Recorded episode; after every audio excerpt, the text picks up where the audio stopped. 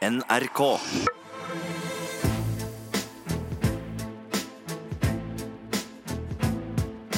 Trump mot verden med Gjermund Eriksen og Sean Henrik Matheson. Å, Gjermund, du, eh, skulle vi begynt med litt, eh, litt fin musikk i denne episoden her, eller? Jeg, jeg tror vi trenger det i dag. Vi har lovet det.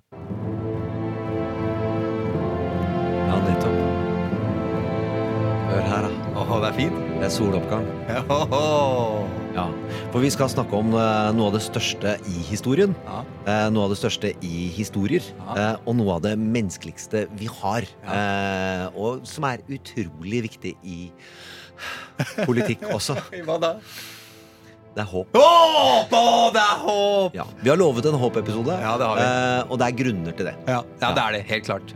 Eh, kan jeg nå ønske velkommen til Trump mot verden, Gjermund? Vi må jo det. Ja, jeg syns vi skal gjøre det. Ja. velkommen!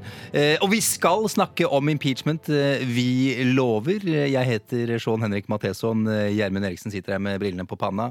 Eh, det betyr at du er i sona, Gjermund, eh, og klar for ukas eh, episode. Til deg som lytter, hyggelig at du hører på. Eh, men altså håp eh, i dag, Gjermund. Ja, og det er noe av det viktigste vi driver med i historiefortelling. Eh, og det er noen grunner til at uh, dette er knytta til impeachment og knytta til et par ting vi skal innom. Men uh, det som for meg er en av de største historiene gjennom tidene, er jo Ringenes herre. Ringenes herre. Ja. Eh, som er lagd for både voksne og barn. Tolkien. Tolkien. Le, leste den første gang da jeg var ti år, og hver sommer i ti år. Oh, wow. ja, godt, godt har liksom, ja. Ja, Så vi ja. skal jo ikke lage en Ringenes herre-podkast, for det er det ingen som har bedt om. Men i film tre eh, så har det vært et forferdelig slag, og hestekongen har mista utrolig mange mann, og det har vært veldig vondt. Så får han beskjed om at Gondor eh, står i flammer, og at det er et stor hær fra Mordor, de onde, eh, som angriper deres hovedstad. Eh, og så kommer en og sier vi er nødt til å komme dem til unnsetning, og da sier eh, kong Theoden eh, We're gonna fight that battle. Yes. But it's a battle we cannot win. Ja. We're gonna fight it anyway. Wow, det er fett. Ja, Ja. Og da, eh, litt senere i filmen, Ja. så har det gått helt til helvete. Og Pelenors sletter er fullt av Mordors folk. Og så kommer det 5000 hester Oh. gi ut av solnedgangen over åskammen. Og da hører vi dette. Courage, Mary. Courage for our friends. Forth and fear no darkness. Arise! Arise, riders of Theoden! Spears shall be shaken! Shields shall be splintered! A sword day! A red day! And the sun rises! God, du satt med armene strekt ut Ja. her. Eh, Og med ekte tårer hver gang. Men, eh, og det må jeg være utrolig forsiktig med her. Ja, ja, ja. Jeg vet det. Du er lettrørt. Meget. helt, helt vilt lettrørt. Eh, eh, men Ringenes herre, som utrolig mange historier, er knytta til hvordan går det med hovedpersonen. Den vi holder med. Mm. Ja. Mm. Skal dette ende godt, eller skal det ende dårlig? Så en av hovedmotorene i de fleste breie fortellinger vi har, og breie TV-serier, de er jo knyttet til at det skal ende godt. Ja, det, skal, det er det vi vil. Det er det vi ønsker. Det Alle mann i det ve- Veldig ofte. Ja. Og så, er det noe, så blir det ofte smalere film og smalere serier som kan utfordre det. Og hvor du skal få gi andre innsikter og bruke at dette ver- Verden ender jo ikke alltid god. Eh, Og ikke alle fortellinger ender godt. Ja. Eh, Og, men når det er for en bred befolkning, Ja. Så pleier det da å ende godt. Nå lager man serier som ikke har håp, og som funker som tusan. Se på Exit, den Ja. norske. Ja, ja. Eh, Der er det Bare helvete fast- hele tida. Ja. Nja, men det er utrolig fascinerende. og altså de er menneskelige, Ja. selv om de ikke er mennesker som oss. Ja. Og det, i den menneskeligheten så ligger det fascinasjon, Ja. og så ligger det noe læring i det. Ja, det er ok. Mange som mener at grunnen til at mennesker følger med på historier, Mm. er jo for å overleve det, og at er knytta til Darwin. At du Mm. lærer gjennom historier. Eh, så lærer du deg hvordan du skal takle verden. Ja, eller ta kokain eventuelt, hvis du ser på Exit. Ja. Eh, Men det er jeg helt imot. Ja, jeg, jeg bare tuller. Ja. Det var fja- fjasete sagt. Okay. Det må være lov. Må være- Eh, Men i politikk ja. Så handler det jo også veldig ofte om når, eh, hvert fall når sentrum venstre prøver å vinne i amerikansk politikk, så vinner de ofte ved å spille på håp. Okay. Det er eh, Bill Clinton var jo kid from a place called Hope. Ja. Ja, visst var han det! Ja, og det visste de veldig godt uh, av spillet på det navnet. Uh, og Obama kom med Hope and Change. Ja. Eh, og der ligger det, i den positive forventningen, så ligger det en utrolig motivasjon.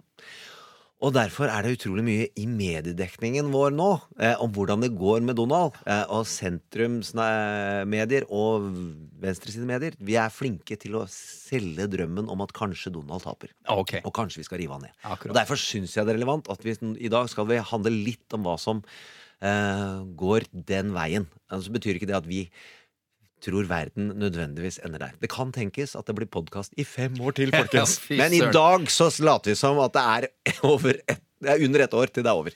Helt riktig. Det er eh, den 15. november, det er fredag formiddag. Det er dag 1028 av hans presidentskap. Taper han er det 432 dager igjen, med forbehold. Tre ting vi skal snakke om. Ja, Det er jo vanskelig å komme unna impeachment-høringene. Det må vi. Vi vurderte et lite øyeblikk. Ja, faktisk, det- men det ville vært for sykt. Ja, Ja. Det, det ville vært for gærent. Og så uh, var det et lytterspørsmål en eller annen gang, men jeg syns også det er relevant å snakke om hvem er de republikanske presidentkandidatene. Ja, det kommer vi tilbake til. Ja, Og så er det uh, om uh, en utrolig avgjørende faktor, som er som, altså der hvor slagmarken Det siste slaget står ofte i Høyesterett. Ja, nettopp. Ja. Så hvordan domstolene fungerer, der er det et par elementer vi kan snakke om. Ja. For det er mye å, fortelle, å snakke om når det gjelder Høyesterett. Ja. Eh, Det er de tre tingene. Og så har vi ukens karakter, Ja. som er the queen of hope Ja, det i amerikansk medievirkelighet. Ja. Eh, Rachel Maddow. Rachel Maddow kommer vi Det er som vanlig mot til slutten det er mye eh, terapi episoden. i Rachel. eh, okay. sine, Tre, tre ting vi ikke skal snakke om, Gjermund. det er bøker. Bøker skal vi holde oss unna i dag. Ja, nei, men Den første boka, 'Til han Anonymous', Ja. den drukna litt. Ja. Men jeg, det kom ikke fram så veldig mye nytt der heller. Denne Eh, høytstående tjenestemann i Det hvite hus, om det er mann eller kvinne, det vet vi ikke. Ja, men som selger bok som hakka møkk, Ja. så gratulerer med det. Ja. Så er det boka til Nikki Haley. Nikki Haley, tidligere FN-ambassadør. Ja, Det har om vært mye før. Om henne denne uka, men nå kommer vi tilbake til litt senere. Så vi tar, tar henne litt i, med, med tanke på hvem som kan stille her i verden. Eh, og den siste er John Bolton, som vi ikke vet hva mener, hva vil, men alle maser om. Vil han vitne? Og det vi er helt sikre på, han vil skrive bok. Mm. Ja. Det snakka vi om i, eh, for mange mange, mange uker siden. At det gikk rykter om at han var lovet en bokavtale som var kjempedyr, med masse penger. Og det har han fått. John Bolton, eh, altså tidligere sikkerhetsrådgiver som slutta da for et par måneder siden. Ja, Hauk er- under Bush jr. Han som ikke ville være med på a drug deal. Og han som Donald dissa barten til, at han ville ikke ha han som rådgiver, for han syntes at han var ukledelig på TV. Donald er utrolig forfengelig, og han vil da ha en del mennesker som er casta. Great casting, som han sier. Han refererte til uh, Ukraina-skandalen som en drug deal, altså bare for å si det sånn. Han Ja. nekta å ta barten sin. Han har hatt bart så lenge jeg kan huske, så lenge vi vet. Uh, Ok, da, Men da skal vi, Gjermund, til det alle snakker om. Uh, De åpne høringene i impeachment-saken som bygges mot Donald Trump.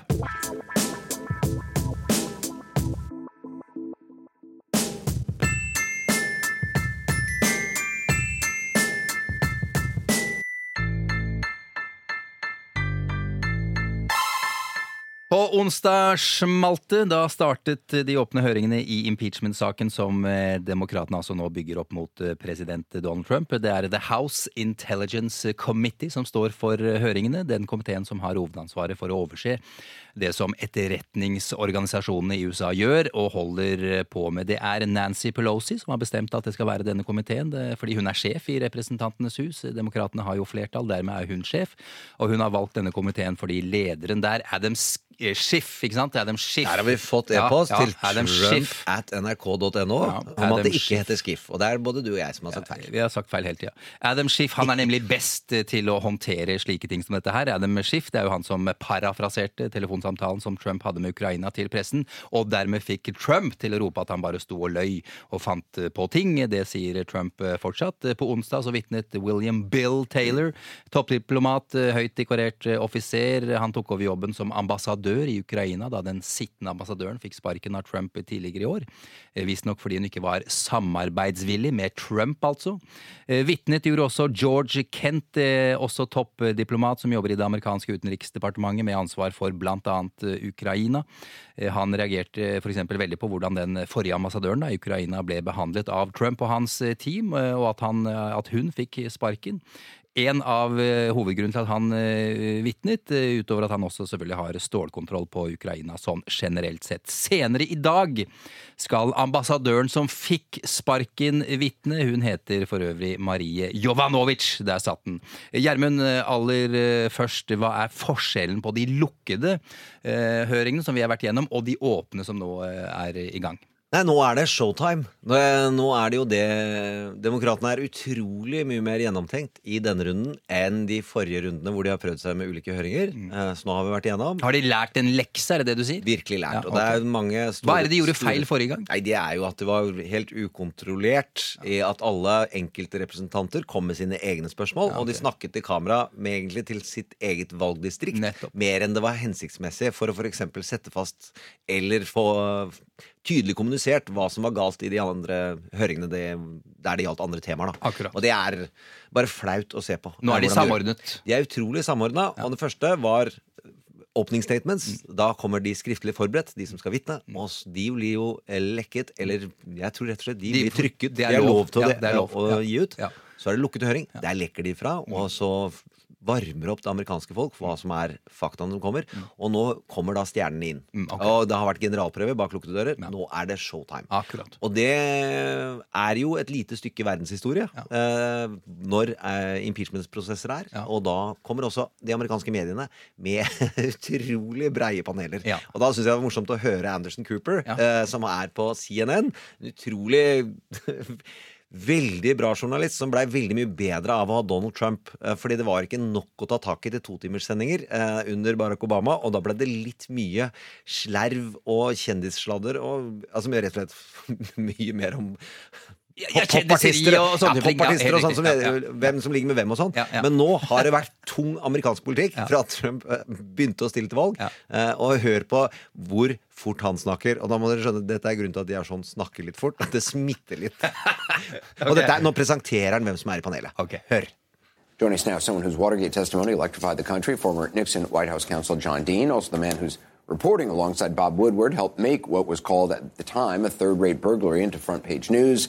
CNN political analyst Carl Bernstein, also CNN chief legal analyst Jeffrey Tubin. He's done a lot too, uh, as does CNN uh, chief political analyst Gloria Borger, CNN chief, uh, CNN political analyst and USA Today columnist Kirsten Powers, former Republican presidential candidate and U.S. Senator Rick Santorum, and former Obama communications director Jen Psaki. Both she and Senator Santorum, thankfully, are CNN political commentators. Vi får beskjed når vi snakker for fort. Eh, Da sier Silje kan dere roe ned litt? Superprodusent Silje. Ja, superprodusent. Hvorfor får ikke han beskjed om å roe ned? Nei, de, men de gjør ikke det i amerikansk TV. Og jeg bruker ofte å vise til at amerikansk TV så snakker Fordi i norsk drama så har det vært en tendens til at man snakker for sakte i norske TV-serier. Ja, og det er ingen naturlig samtale du har hatt en dag hvor det går i det Ja, tempoet. jeg Og jeg jeg hvis vi er enige med at norske folk er smartere i snitt, eh, mer, eh, i hvert fall mer utdanna og følger med, så er det bare å se på amerikansk TV hvor fort de snakker der. Ok, Gjermund, men hva er det som skjer videre nå? Nei, da Greit å repetere sånt, altså. Eh, og det er jo at nå er det en åpen høring, og så skal det tas ut impeachment articles. Det som vi kan på norsk kalle tiltalepunkter, Ja. eh, og som er veldig offisielt. Og så leveres det til Senatet, og der er senatorene jurymedlemmer. Og så er det en aktor og en forsvarer som eh, går gjennom saken, og så er det ledet av høyesterettsdommeren eh, Rob, eh, Justice Roberts. Han sitter og er sjef for denne impeachmenten til slutt. Impeachmenten er det representantene gjør. Ja, ja. Så av, altså, dommen heter noe annet. Sånn så det vi gjør nå Bill Clinton ble impeached, men han ble ikke dømt. Eh, og det har tatt meg utrolig lang tid å skjønne. Ja. Eh, og så er det jo hva slags alvor er det her? Og da syns jeg det er moro å ta fram han som jobba for Nixon, John Dean, som nå er kommentar, fast kommentator på eh, CNN, mye hos Anderson Cooper, som vi hørte. Eh, hva er hans syn på denne saken? Eh, og det er da han ble kalt mestermanipulatoren til Nixon. Og så skjønte han hva han var med på. Snudde, Ja. tok litt fengsel, Ja. og så skrev han bare angrebøker. Ja, for han var, han var slem, og så ble han god, ikke sant? Det er veldig fint. Og det er litt håp, det også. Det er kjempehåp. Ja. Ja, ja, ok, her, her er John Dean. We know from what's come out of the executive sessions generally where this is going. And what struck me today in listening to these two witnesses is they already have more than they had against Richard Nixon to impeach him, just on all, on all accounts, because the evidence is there. Ja, han var ikke i tvil, han der. Men jeg, jeg vil si at Forskjellen er jo at dette er vitner, eh, men det var jo Nixon tapes. De hadde jo eh, Nixon på bånd. Det er ikke noe forskjell på det, Gjermund? Jo, eh, og så får vi se. Der har jo Bill Taylor tatt notes, som vi har snakka om før, og de ligger nå i Utenriksdepartementet. De blir Også- ikke levert ut, altså. Hvorfor gjør de ikke det? det er en prosess, Ja, som Bill. Taylor sa. At jeg hører at det er en prosess. Og det kan vi snakke om rundt eh, Høyesterett etterpå, Ja. hvor det er grunner til hvorfor ting kommer til å avgjøres der. Ja, ok. Men i, hvis man legger det i vektskål Ja. Nixon, der var det innbrudd i et lite valglokale eh, som Nixon prøvde å cover up. Eh, hvor uttrykket, selvsagt, eh, 'it's not a crime, it's a cover up', Ja. eh, kom fra. Og i den andre vektskålen så har vi en fyr som holder igjen en halv milliard Mm. mot et land som er angrepet av USAs største fiende, og som er et offer for en konflikt. Mm.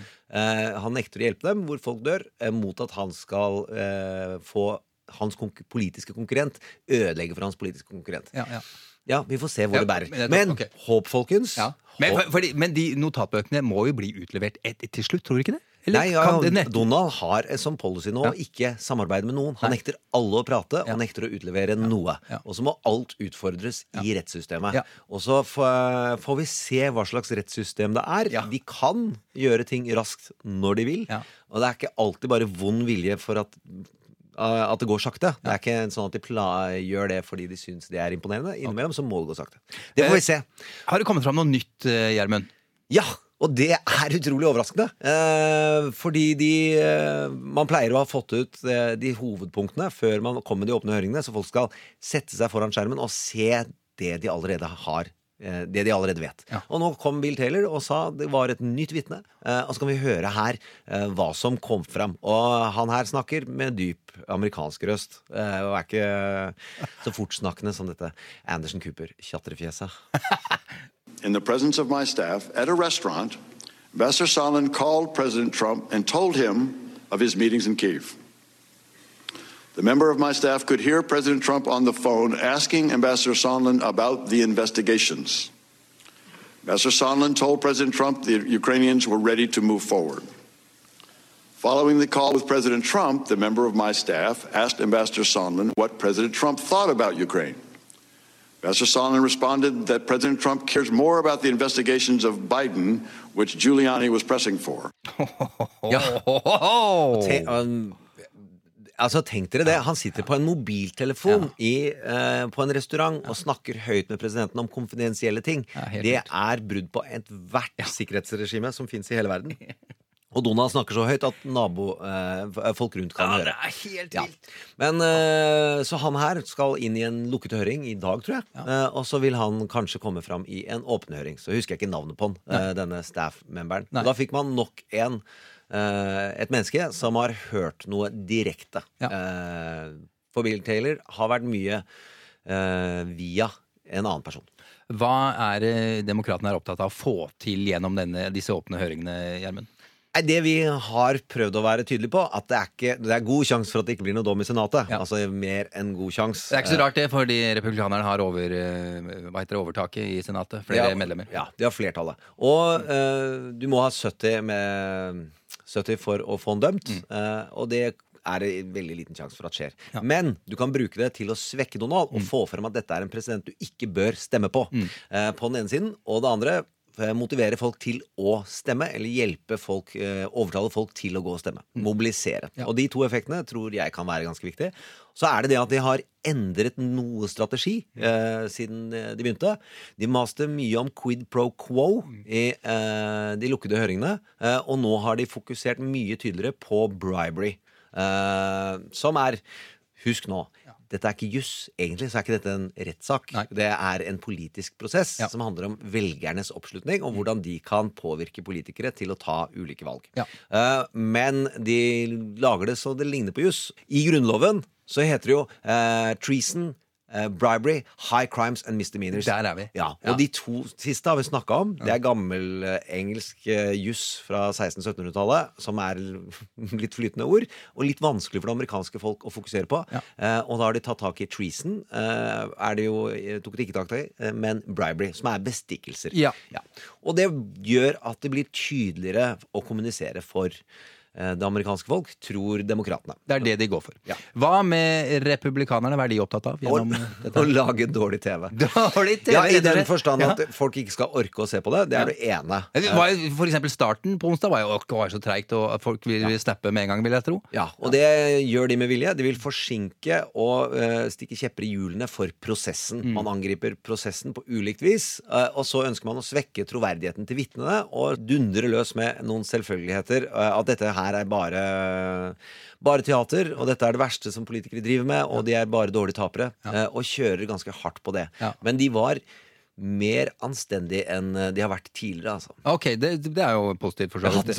men Det det, er, altså, det, er, Men- det er en lav er, It's a low bar. Republikanerne har uh, toppa laget, faktisk, ja. med Jim Jordan eh, denne runden her. Hvem er det, og hva er det han eh, tilfører? Nei, han er jo en eh, Da mener jeg positivt å bare beskrive. Bikkje. Ja. I den forstand at han er en utrolig flink til å kjefte og sette ut vitner. Ja. Jeg tror han er statsadvokatbakgrunn, så han er trent i det.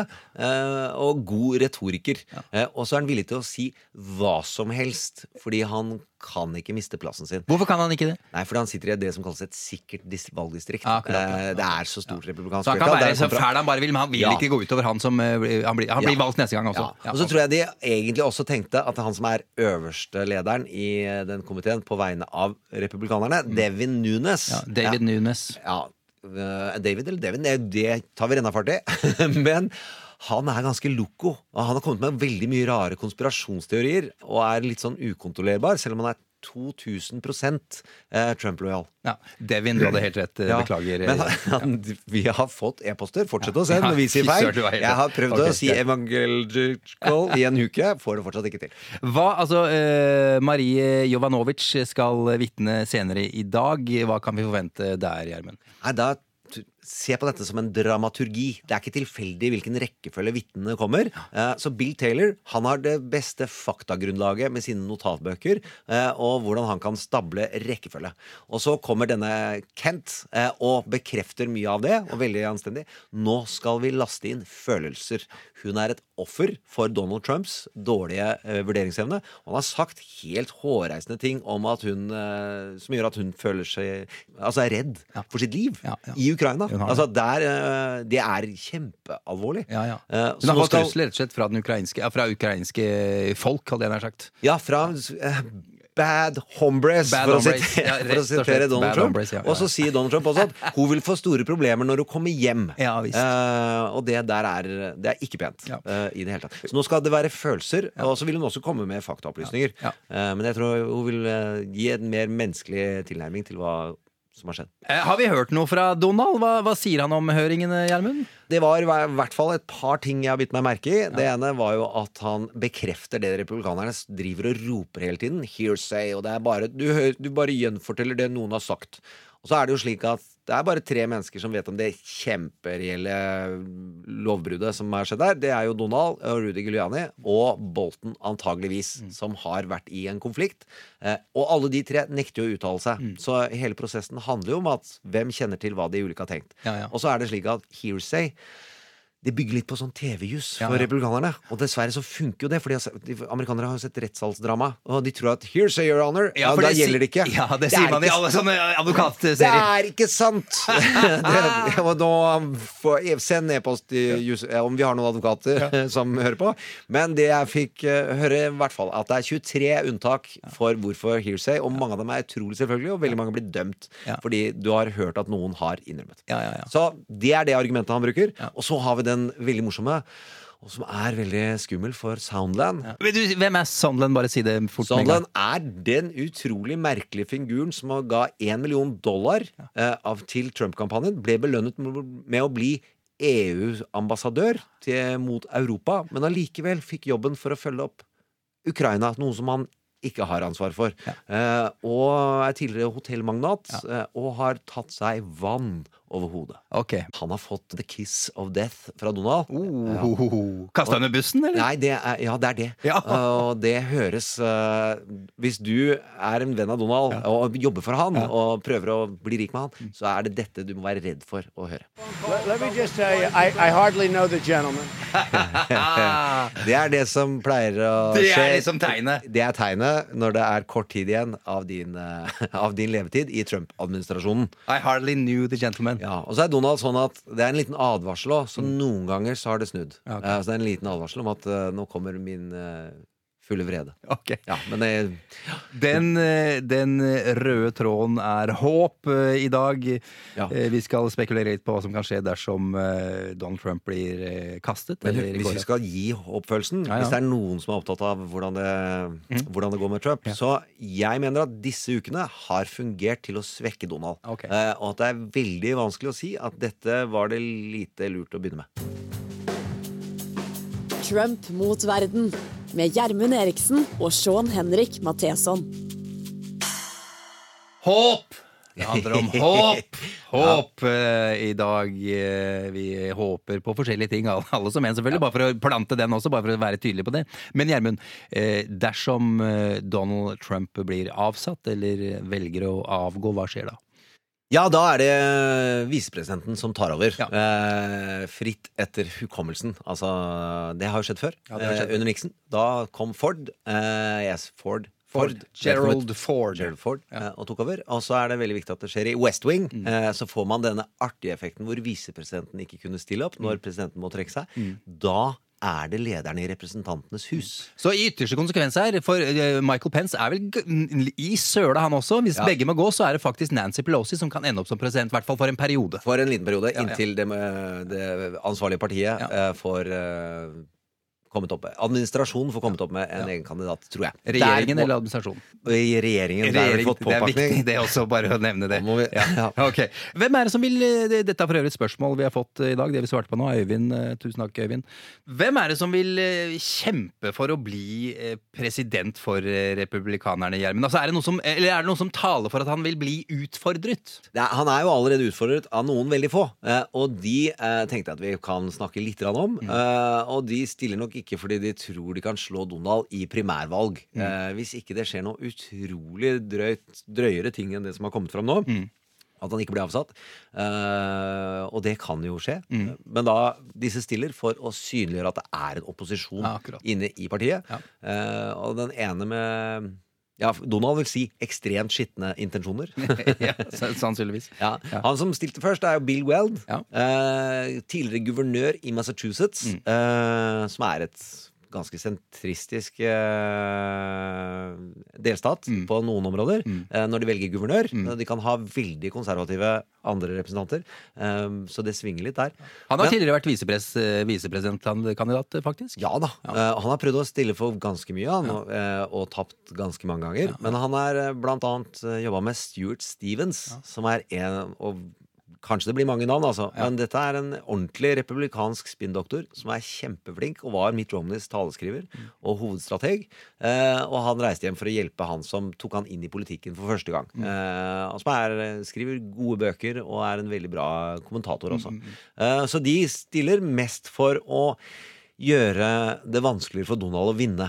For statistikken eh, tilsier at republika sittende republikanske presidenter som blir utfordret, de overlever ikke. Og så er det veldig få datapunkter etter andre verdenskrig man bygger dette på. Hva Så sa du nå? Hvis, hvis en sittende republikansk president, så taper han? Ja, det har skjedd veldig det, har skjedd med, det skjedde jo med Ford, ja. og så skjedde det jo med Bush. Ja. eh, Den, Den eldre. ja.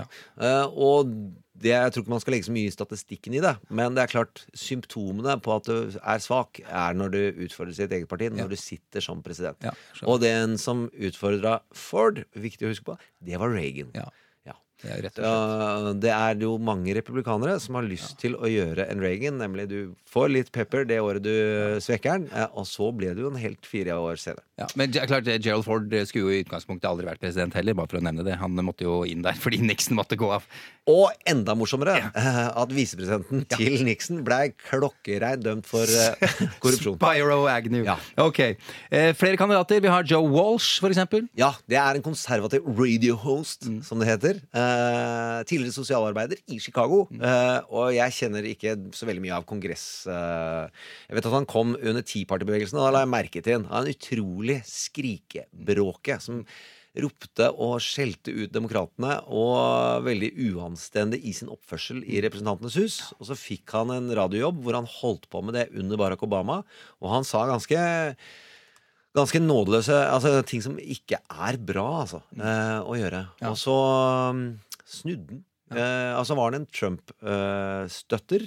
men ikke noe sånn helhjerta at Trump er bare god, men det er republikansk kandidat. Og nå har han fått fullstendig nok. Ja, okay. eh, og bruker da sine tidligere sinne mot Obama, hvor han skrev ting på Twitter som var helt hårreisende. At vi erklærer krig mot eh, Obama etter at noen var skutt og drept. Ja. Eh, til at nå han sier at jeg har tatt fullstendig feil, og jeg har drevet med hatretorikk. Og jeg har sagt ting borderline rasistiske ting. Ja. Og det har ikke vært meningen å være rasist, men jeg ser jo i dag at det er sånn. Ja. Eh, og går inn i den renvaskelsesveien av seg selv. Ja. Eh, og så får, han kommer jo ikke til å vinne et valg, men han får i hvert fall gitt Donald en del motlyd. Mark Sanford. Han trakk seg, men han stilte først. Ja, er han har trukket seg. Ja. Eh, og det Mark Sanford er en tidligere kongressmann Ja. som var veldig anerkjent og respektert, og en dyktig retoriker og politiker, men som plutselig ble borte, hvis du husker det. Ja, han, forsvant, Han- han forsvant Argentina. Han savna, forsvant i Argentina. Nei, bare han- hos elskerinna si. Ja, men først så sa han at 'I'm going for the Appalachian Trail'. Ja, ja, Altså han gikk seg Sånn en tur i skogen. Så viste det seg at han egentlig hadde stikket med elskerinne til Argentina. Sånn. Og ble en utrolig levende politisk skandale som har mange sider ved, ved kjærlighet, da. Ja, det er love. var- jo, men han, Ja. jo, jo, men i motsetning til alle som driver med anger og ja, ja, synd og sånn. så Jeg ble Jeg elsker henne, og jeg elsket henne, og det var utrolig vond prosess, og jeg elsker denne kvinnen nå, og beklager det. Men han ble jo valgt inn som i Representantens hus rett etterpå, eller i hvert fall i, i den perioden, så det er jo forgive and forget eh, også, da. Det er veldig men- hyggelig. Ja, og, Men også han velger klokt, da. Det går an å fortelle at man er et menneske. Og jeg gjorde det ut fra svakheter Mm. som eh, bor i oss alle. Istedenfor å si gå rett i anger og flat og hun eh, fristet meg. Du har Altså, for så vidt sagt det, Gjermund, men har, eh, veldig kort, har noen av disse her en eneste sjanse?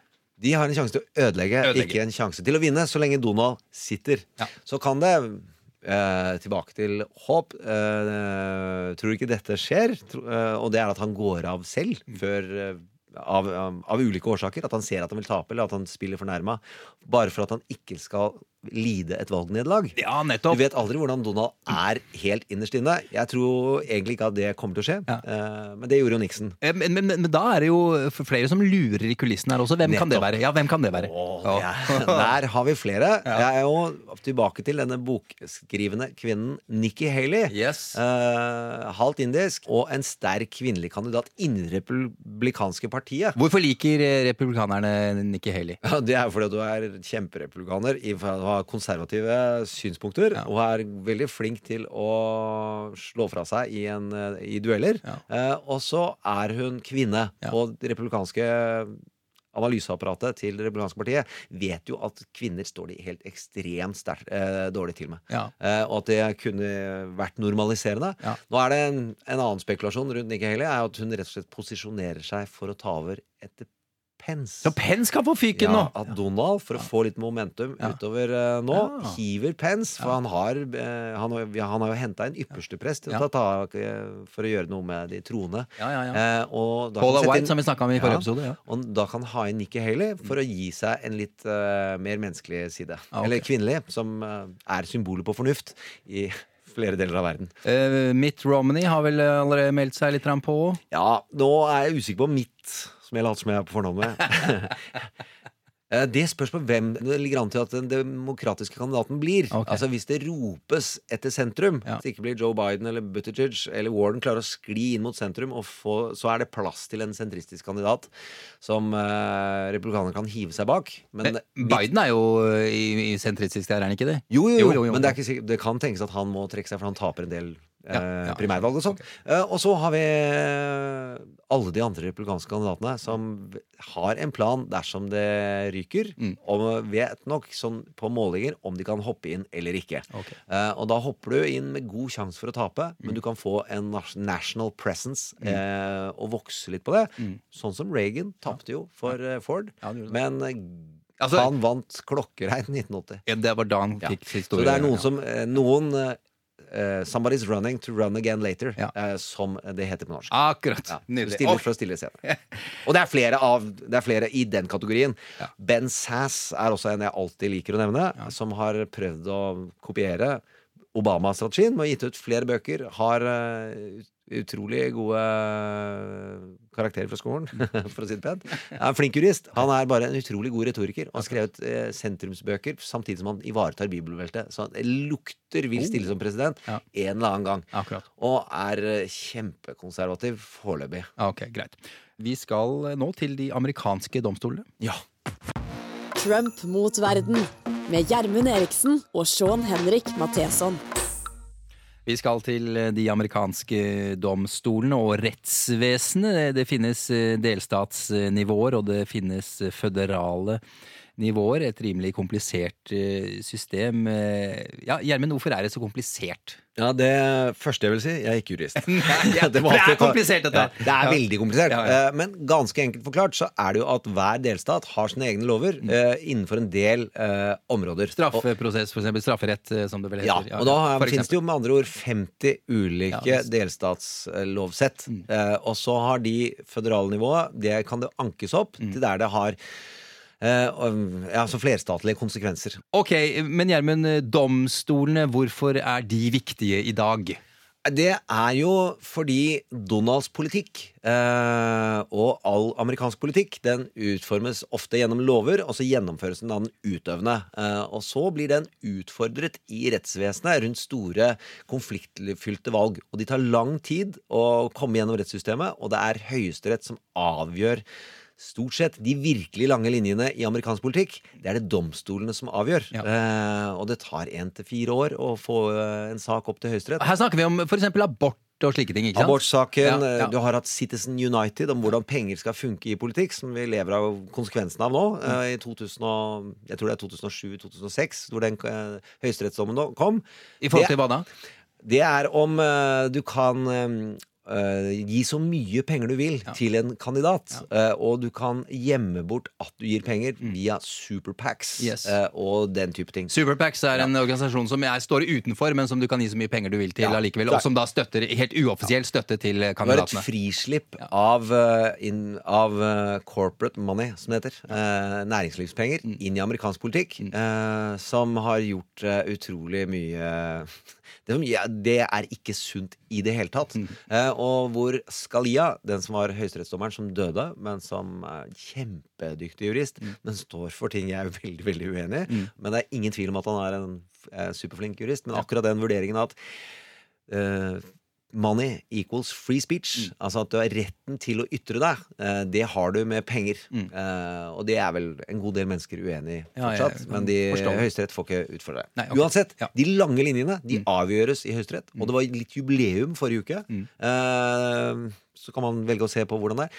At Donald utnevner dommere i et enormt tempo. Ja. Det største tempo siden 1980. Ja. Han har fått flere dommere i det, som, det føderale nivået, Mm. som kalles appeal courts. Eh, og der er det flere da, av de domstolene, som det er mange av i ulike områder, eh, hvor det er endret balansen. Det vil si Mm. at de konservative, som For eksempel for abort og slike ting.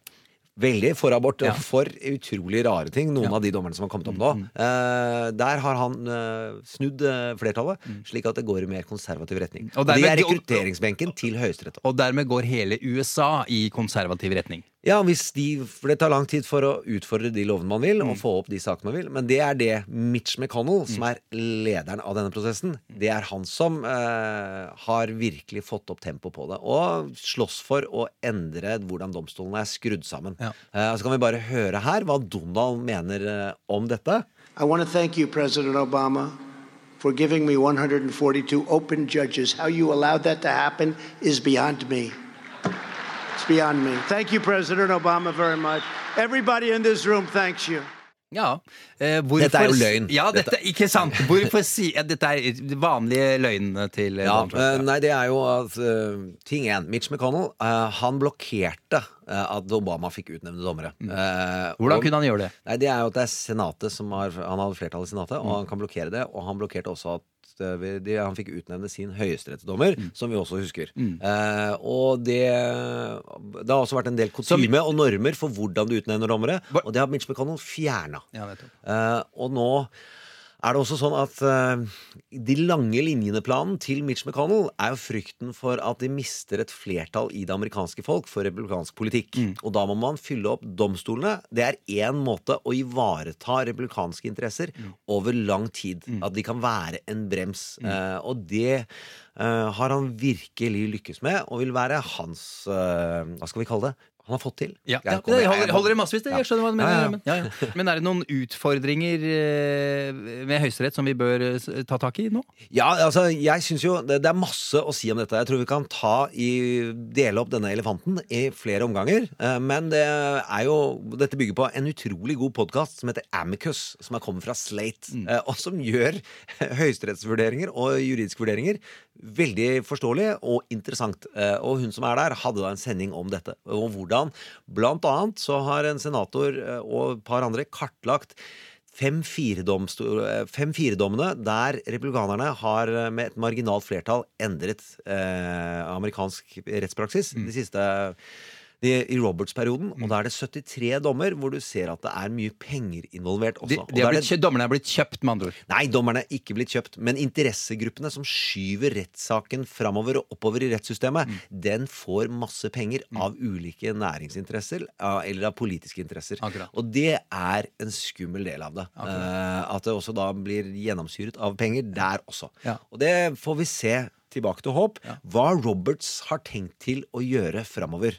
Og det har vi ikke tid til å gå gjennom i dag, men jeg tror at Altså, jeg vet at det, det kommer til å være avgjørende om Roberts velger å støtte Donald eller den andre sin på et eller annet vis, tror jeg er ganske sikkert, før eh, neste valg er over, så må han ta stilling til om han skal svekke Donald eller hjelpe Donald. Eh, Bare minne om at eh, Roberts er da høyesterettsjustitiarius i USA. Ja, Ja, og da er det blant annet Så er det noe som heter emoluments clauses, Mm. som han har brutt, som er det- veldig viktige regler for hvordan presidenter eh, ikke kan ta imot gaver Mm. og ikke kan ha økonomisk fordel av sitt embete. Vi har det med skattelistene, og vi har en god del måter han blokkerer informasjon, blant annet notatboka, som vi, vi snakker om der. Ja, ja. Eh, Til, eh, Bill Taylor, ja, som, i, eh, som ligger i Utenriksdepartementet, Ja, ja. og som Høyesterett har muligheten til å si få dem nå. Ja. Og det er det de gjorde under Nixon. Ja. De sa 'the tapes'. Og det var en Det var, hard det, S. det var, det var sånn mafiaaktig. Ja. Give me the tapes! Give me the tapes! Uh, det var det de som bare skar gjennom. At de tapesene, de må vi ha Ja. nå. Ja. Kan eh, Roberts finne på å si det samme, sier du? Roberts kan eh, helt klart finne på å være avgjørende for om Donald blir gjenvalgt Ja. eller ikke. Går av eller ikke. Jeg han, tror eh, han, er en, han går for å være en ordentlig fyr, eh, denne høyesterettsjustitiaren. Han går for å være en Ja. ordentlig fyr, Ja, ja. men konservativ. Ja. eh, Og han er eh, det som kalles en institusjonalist. Det vil si at han er veldig opptatt av institusjonens omdømme over tid. Mm. Eh, Og så får vi se hvordan han eh, Hva han tror da er han er mest tjent med. Mm. Gjøre som han gjorde under valget Det utrolig tette valget der Bush vant, Mm. eh, men hvor noen sier at det var tøys med stemmene i Florida. Eh, og da gikk jo Høyesterett og sa nå er det slutt på omtelling, nå må vi ha en president her. Ja, det er det er en anstendig beslutning som vi kan skrike litt hvis vi er eh, litt lenger på venstresiden, eh, og syns det var utrolig urettferdig. Men så var det handla det også om at USA trenger en president, Ja, ja. og Al Gore skjønte det da. Han angrer etterpå at han ikke utfordra det hardere. skjønner. Han kunne blitt Men-. Ja, og da hadde det ikke blitt uh, Det hadde fortsatt antageligvis skjedd. Det, det, wow, det er helt umulig å si hva Ja, som hadde skjedd ja, og ikke ja, skjedd. ja, Men det, da hadde vi ikke fått Barack Obama. Nei, det er sant! Ja. Bra! Og det, folkens, er noe av det største symbolet på håp i min verden. Ja, nå får du Er- tårer i øyet når jeg ser det på deg. Jeg er så svak Eh, for ja, Nei, det er fint. Det er vakkert. Ja, men Det er svak for barak, det er jo ikke å innrømme svakhet. Det er på styrke. det er også litt håp i det, faktisk. Eh, Vi skal til eh, ukas karakter. She's the host of The Rachel Maddow Show on MSNBC. Rachel Maddow. The Rachel Maddow Show starts right now. Good evening, Rachel. Totally normal day, right?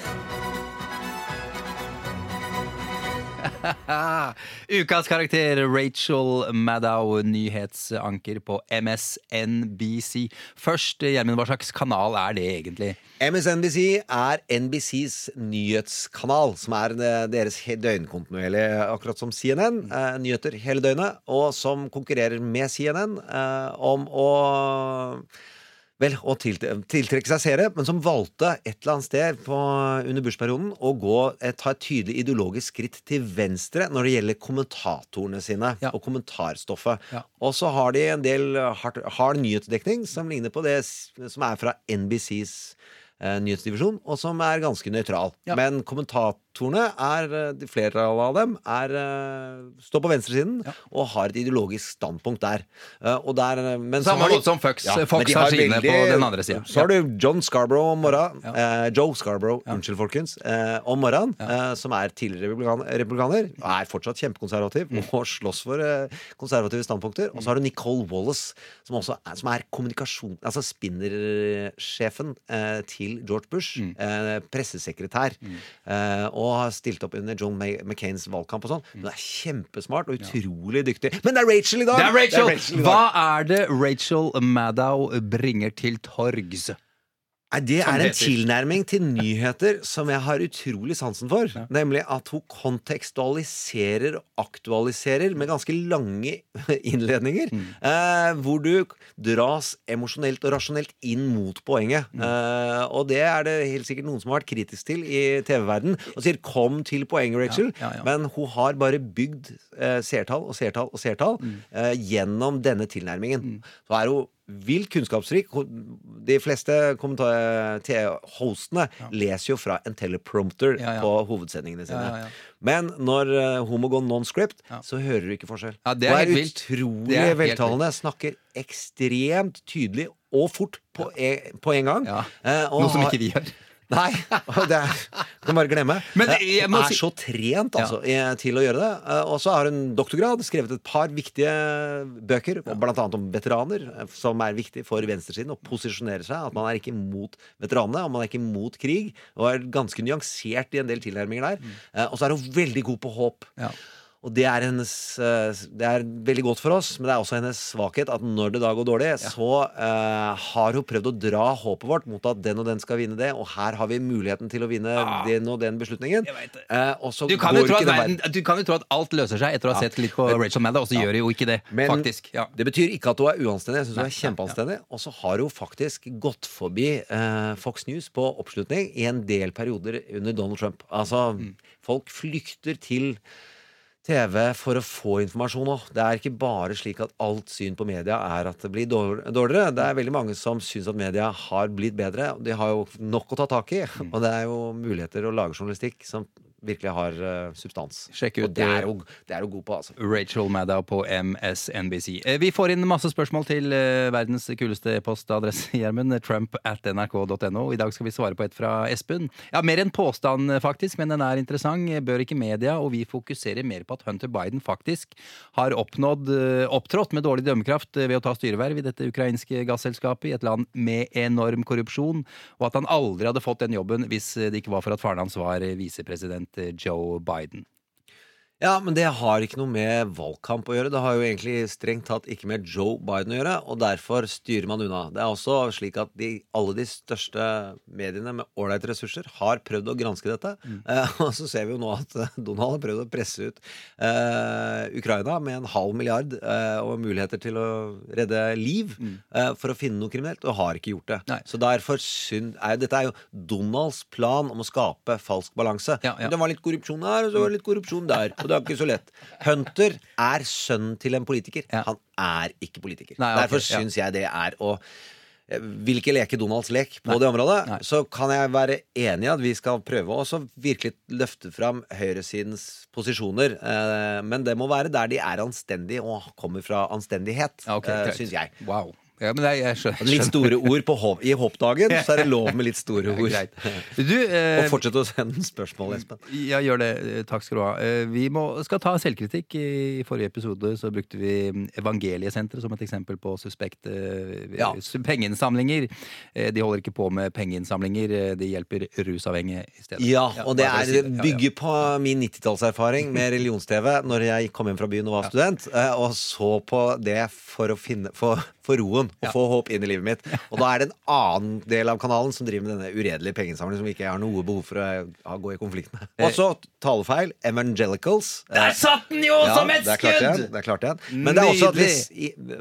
vi, vi tar dette live, så noen steder så sier vi feil navn. eh, og det er ikke meningen. Nei. Eh, Hender vi bommer litt, rett og slett. Ja, jeg, Ganske enkelt. Jeg prøver å være ordentlig på fakta, men det er vanskelig å holde alle disse navnene og detaljene helt klokkereint. Eh, Vi nærmer oss eh, slutten på, på ukas episode, eh, Gjermund. Men det er ikke bare vi som lager podkaster i NRK.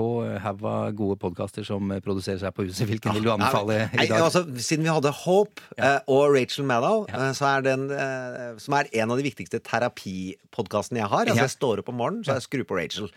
Og sånn har det vært siden hun begynner, altså Siden jeg fikk podkast inn i livet mitt. Ja. Og hun er den, en av de første TV-programmene som ble podkast. Uh, og MSNBC og CNN alle de var livredde for å begynne å sende TV-programmet sitt i lydform. Men så nå gjør alle det. Men hun var utrolig tidlig ute for å dra folk til MSNBC. Ja. Eh, det syns jeg var lurt. Og en annen veldig viktig terapipodkast, Ja. og det er Radioresepsjon. Ja, det er så deilig. Å legge seg med det i øra, Ja, det er det jeg gjorde utrolig lang periode i livet mitt. Og så er, går det mer i amerikansk politikk nå. Men uh, nå er det jo verdens største podkast, tror jeg. Det- Den finner du i hvert fall eh, Altså Radioresepsjonen finner du på NRKs eh, radioapp, selvfølgelig. Da skal vi runde av det, og, men vi må si, at for at folk skal finne podkasten vår Og vi er opptatt av politikk, amerikansk politikk og drama, og hvordan det er spennende. Men da må vi eh, Da er det viktig å bli rata. Bli Så det- rata. Rate oss gjerne. Gi, eh, hvis Donald ikke skal være president i 400 år, så er det viktig å gi fem stjerner. Gi oss fem stjerner. Hørte du det? Fem stjerner. Ok. Og Eh, skriv gjerne en anmeldelse, for det gjør at den blir synlig til folk som søker. Har jeg lært av Ezra Klein. Han er ikke Han er jo, han er jo helt rå. Verdens beste journalist under 40 år. Ja, ja. eh, Og når han er eh, Når han med er sin greit. troverdighet ja. tigger om rating, da tør, da tør jeg òg, for han har mer å miste enn meg. På ryggen. Jeg skal gjøre det. Eh, takk for i dag. Eh, Hyggelig at du hørte på. Eh, Vi høres oh. Om ei uke. Gjermund, eh, vi avslutter med en trailer i dag. Ja, for det skal handle om spinning Ja, det neste uke. spinning, I dag var det håp. Ja, men ja. Dark Art of Spin, Roger Stone-rettssaken, har vi rett og slett ikke prioritert. Nei. Og det er jo, sier noe om hvor mye som skjer. Ja. Men neste uke må det være litt Roger Stone, Steve Bannon og spinning. Og der uh, har- Spinning, hva er spinning? Bare si det fort. Spinning er jo da PR-triks og manipulasjon. Og så finnes det en anstendig side av det, som er en jobb, eh, nemlig at man skal sette det politiske budskapet i best mulig lys. Og så finnes det en mørkere side, som er å eh, lyve, lure og drive med andre strategier, som vi skal snakke masse om neste uke. Og så har jo du prøvd også Ja. lære deg sammenhengen mellom spinning og spying, og det er det jeg tenkte at det, det, altså det har jeg hørt at du møtte ja, ja, vi får høre her. Ja, Det det er får høre. Og, og bare og, det er English. inn, inn i musikken. Det er litt deilig. Ja, den følelsen. Håp, folkens. Hope.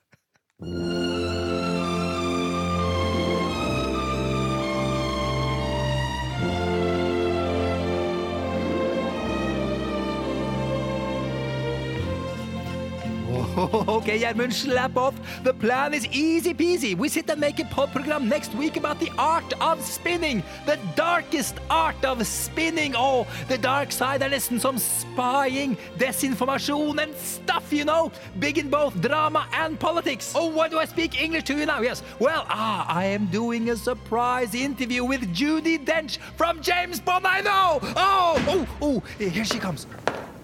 Judy, hi. You've got a bloody cheek. Sorry, my friend Gjermund was worried about doing a show about spinning without spinners. And I said, chill out. Can I call you M or Mother or. For God's sake, you're supposed to display some kind of judgment. Yes, we will. And, And how I. the hell did you find out where I lived? Oh, I knew where your key was because you told me at the New Year's party. You remember when you got so drunk and you started. Utter one more syllable and I'll have you killed. Yes, Mum! uh, anyways, um, spinning and spying. Uh, next week we will go easy. Uh, tread lightly and no staffage. and not making a show too serious, you know. Keep it calm. This may be too much for a blunt instrument to understand. But arrogance and self awareness seldom go hand in hand. We will play it down. I want you to take your ego out of the equation and to judge the situation dispassionately. It will be like uh, P2 at night, you know, calm, uh, dispassionate, no passion, no passion at all. I have to know I can trust you. You need to. Uh, where is this come? Trust me, I'll tell Gjermund too. Because these bastards want your head. And I'm seriously considering feeding you to them. What? For making a podcast with Gjermund? Okay, I, I promise, Judy.